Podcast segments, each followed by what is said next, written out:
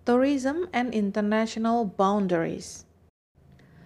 Pariwisata dan perbatasan internasional. Boundaries or border biasanya terkait dengan masalah security, politik, sosial budaya, ekonomi yang berimplikasi pada pembangunan regional, kemudian perdagangan, eh, mobilitas manusia di dalamnya, jaringan sosial, keragaman budaya, peraturan lingkungan, dan juga tentunya pariwisata. Nah, kaitan antara pariwisata dan perbatasan antar negara itu dapat dilihat setidaknya dari tiga kata kunci utama. Yang pertama adalah barrier, kedua adalah transit, dan yang ketiga adalah tourism destination.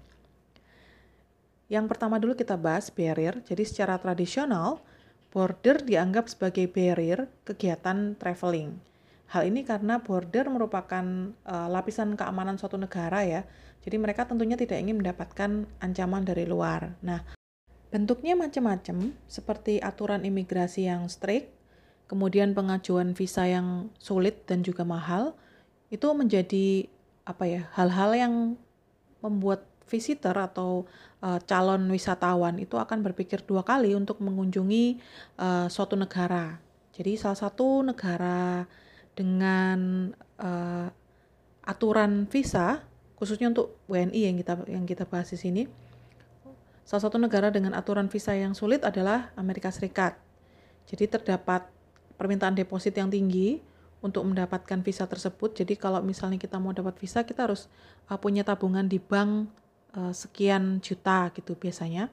Kemudian ada ukuran foto 5 kali 5 yang high quality banget. Jadi ini nggak umum ya di Indonesia, jadi agak sulit untuk mendapatkan itu. Kemudian ada uh, biaya visa, kalau nggak salah minimal 160 dolar atau sekitar 2,4 juta rupiah. Kalau dirupiahkan segitu kira-kira. Nah, kemudian ada Korea Utara, itu juga merupakan salah satu negara dengan uh, syarat pengajuan visa yang sulit dan juga mahal karena kalau mau mengajukan visa ke Korut itu sudah harus include pesan paket lengkap perjalanan wisata termasuk akomodasi hotel, uh, bayar pemandunya, paket makan hingga uh, biaya perjalanannya itu harus sudah include dalam uh, pengajuan visanya karena itu visanya jadi semakin mahal. Kemudian waktu pembuatan visa juga dianggap sebagai barrier untuk melakukan perjalanan wisata ke negara tertentu karena kalau pembuatan wisat, uh, visanya itu makan waktu yang lama, berarti kan kita perlu mempersiapkan segala sesuatunya dengan baik dan siap untuk menghadapi resiko-resiko yang akan datang. Visa itu ada yang cepat ya, kadang-kadang ada yang satu minggu udah jadi, ada yang butuh satu bulan, ada yang bahkan butuh berbulan-bulan. Kalau pengalaman saya sendiri mungkin di Korea, uh, ke Korea maksud saya, itu uh, setidaknya memakan waktu satu bulan untuk mendapatkan visanya. Nah, seperti yang saya sudah bahas sebelumnya, bahwa untuk menggenjot kedatangan wisatawan asing, pemerintah itu perlu uh, mengeluarkan kebijakan bebas visa kepada negara-negara tertentu atau visa on arrival. Bebas visa ini artinya tidak perlu visa untuk masuk ke suatu negara ya, cukup paspor aja dan tiket pulang pergi saja biasanya. Kalau visa on arrival, visa tersebut dapat diurus ketika kita sudah sampai di negara tujuan, biasanya di bandara atau pelabuhan atau bagian imigrasi di wilayah perbatasan negara. Biasanya visa on arrival itu hanya berupa cap stempel atau stiker dan kita langsung bayar di tempat. Nah, Indonesia sendiri memberikan uh, bebas visa atau visa on arrival kepada lebih dari 170 negara di dunia untuk masuk ke Indonesia. Uh, ini adalah sebagai bagian dari upaya pemerintah untuk menarik kunjungan wisatawan uh, mancanegara ke Indonesia. Sedangkan untuk WNI sendiri kita bebas visa ke 25 negara dan 36 vis, 36 negara lainnya uh, visa on arrival. Nah, kalau tadi kita bahas border sebagai uh, barrier, yang kedua adalah kata kunci kedua adalah border sebagai transit atau transit hub ya. Jadi wilayah perbatasan itu kan kadang menjadi tempat transit orang-orang yang ingin mengunjungi destinasi wilayah eh, destinasi wisata di wilayah negara lain. Nah, misalnya di Indonesia itu kita ada transitnya salah satunya adalah Batam, kota Batam di Kepulauan eh, Riau. Eh, ya, Pulau Riau. Jadi Batam itu menjadi salah satu eh, transit hub WNI yang ingin ke Singapura ataupun Malaysia atau sebaliknya warga negara Singapura, Malaysia ataupun Thailand yang ingin uh, datang ke wilayah Indonesia melalui Batam. Nah, sebagai transit hub, walaupun orang mungkin hanya berkunjung selama ya mungkin 2-3 jam saja, tapi terdapat potensi pendapatan yang besar dari kunjungan tersebut. Jadi kalau misalnya kita kasih fasilitas uh, akomodasi, restoran, retail, money changer dan lain-lain, ini juga bisa menjadi sebuah transit tourism.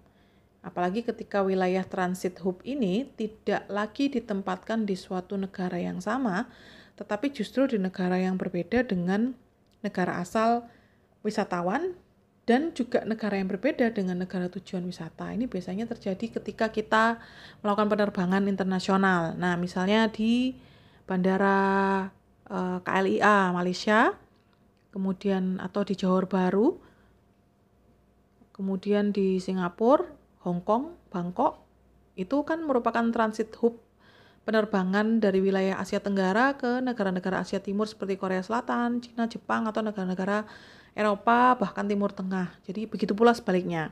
Nah,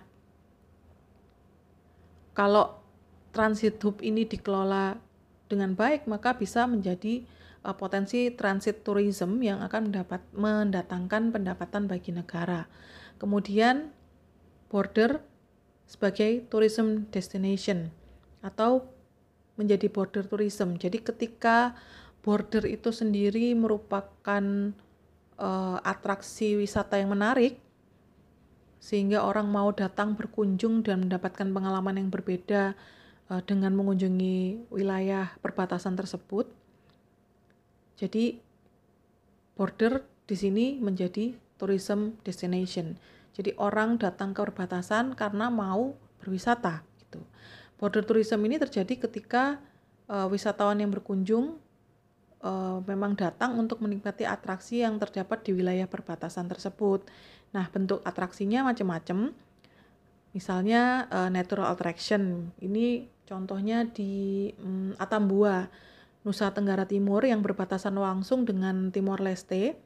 Jadi wilayah Atambua ini menawarkan uh, alam yang bagus banget dan ada kekhasan budaya sehingga dapat menjadi daya tarik uh, wisatawan mancanegara. Kemudian ada man-made attraction atau atraksi buatan ya, misalnya seperti uh, tembok Berlin yang sejarahnya merupakan batas antara negara Jerman Barat dan Jerman Timur, ini menjadi uh, atraksi wisata juga. Orang-orang datang untuk melihat tembok ini, bahkan ketika tembok ini masih menjadi pembatas, maupun uh, ketika setelahnya justru setelahnya jadi menjadi atraksi wisata uh, yang menarik ya karena berkaitan dengan sejarah. Kemudian contoh lain adalah uh, eh, DMZ antara Korut dan uh, Korsel jadi wilayah demarkasi di Panmunjom jadi di wilayah ini kita bisa melihat tentara Korut dan Korsel sekaligus yang menjaga garis perbatasan antar dua negara ini.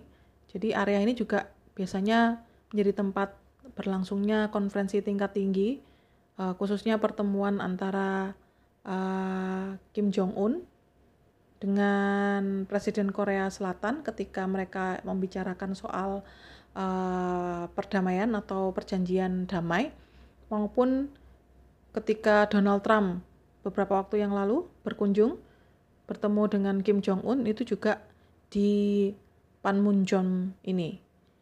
Nah, wilayah di MZ ini menjadi menarik karena sejarah konflik yang panjang antar kedua negara sehingga wisatawan asing itu ingin datang langsung untuk melihat bagaimana sih wilayah perbatasan mereka gitu. Contoh yang lain ada uh, Golden Triangle yaitu titik pertemuan antara tiga negara yakni uh, Thailand, Myanmar dan Laos Nah, tempat ini menjadi tujuan wisata yang uh, apa ya cukup penting di sisi perbatasan yang bagian Thailandnya. Jadi ada ribuan tulis ya biasanya sampai ribuan dulu sebelum pandemi mengunjungi lokasi ini setiap tahunnya dan untuk foto di monumen Golden Triangle itu di tepi Sungai Mekong. Jadi atraksinya adalah perbatasan Golden Triangle itu ada monumennya dan foto-foto di situ. Kemudian ada contoh lain The Green Zone uh, Golf Club. Jadi itu adalah sebuah tempat bermain golf di perbatasan Swedia dan Finlandia. Yang menarik adalah kalau teman-teman pernah main golf itu ada satu putaran ada 18 holes ya 18 holes dalam satu putaran itu 9 holes itu terhadap, terdapat di Swedia dan 9 holes lainnya terdapat di Finlandia. Jadi kalau main satu putaran artinya pemain mengitari wilayah kedua negara tersebut. Jadi ini menjadi salah satu daya tarik wisata. Nah adanya atraksi dari border ini uh, akhirnya mendorong pemerintah-pemerintah negara terkait untuk mengembangkan kawasan tersebut dengan membangun uh, amenities yang meliputi akomodasi, restoran, retailing, kemudian memberikan fasilitas pendukung accessibility, dan juga fasilitas-fasilitas tambahan seperti rental mobil, tour guide, dan lain-lain.